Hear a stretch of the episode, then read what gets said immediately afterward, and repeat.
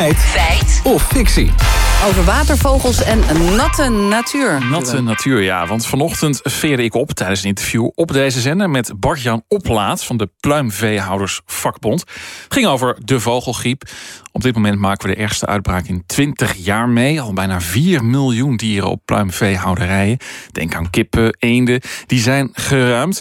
En als een van de redenen voor de ernst van de situatie... zei Bart-Jan Oplaat dit. We leggen in Nederland de rode loper uit door steeds meer nieuwe nette natuur aan te leggen. En dat werkt dus als een magneet voor meer watervogels. Er is een gigantische toename in de hoeveelheid eh, dieren die hier naartoe komt.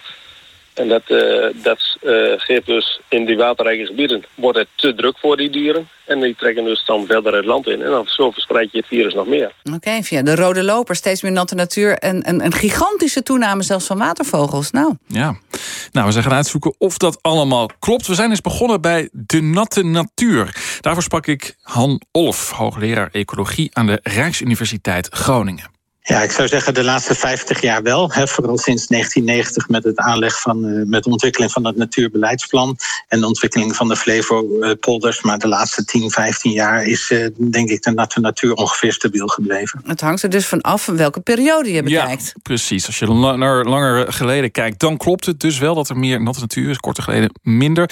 En ja, datzelfde geldt ook een beetje op de vraag of er meer watervogels zijn in Nederland. Albert de Jong van Sovon Vogelonderzoek, die vogels in het hele land telt, horen we.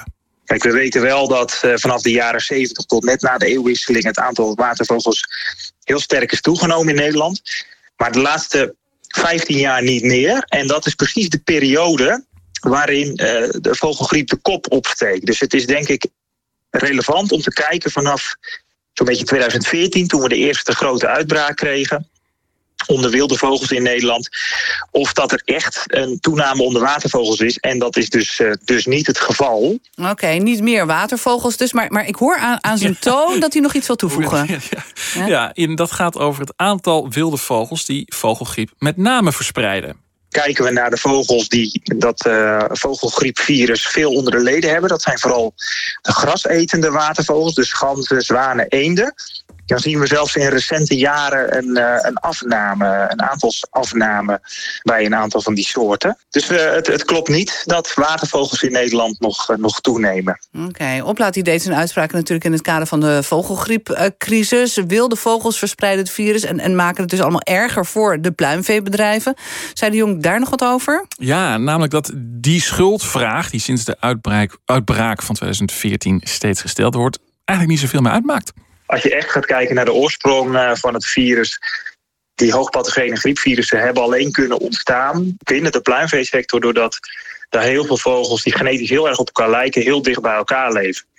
Maar goed, dat is nu 20, 25 jaar geleden gebeurd.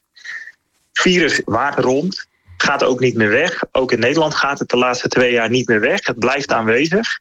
En daar hebben we nu mee te dealen. Ja, dus, dus de vraag is echt gewoon hoe, hoe krijgen we het weg?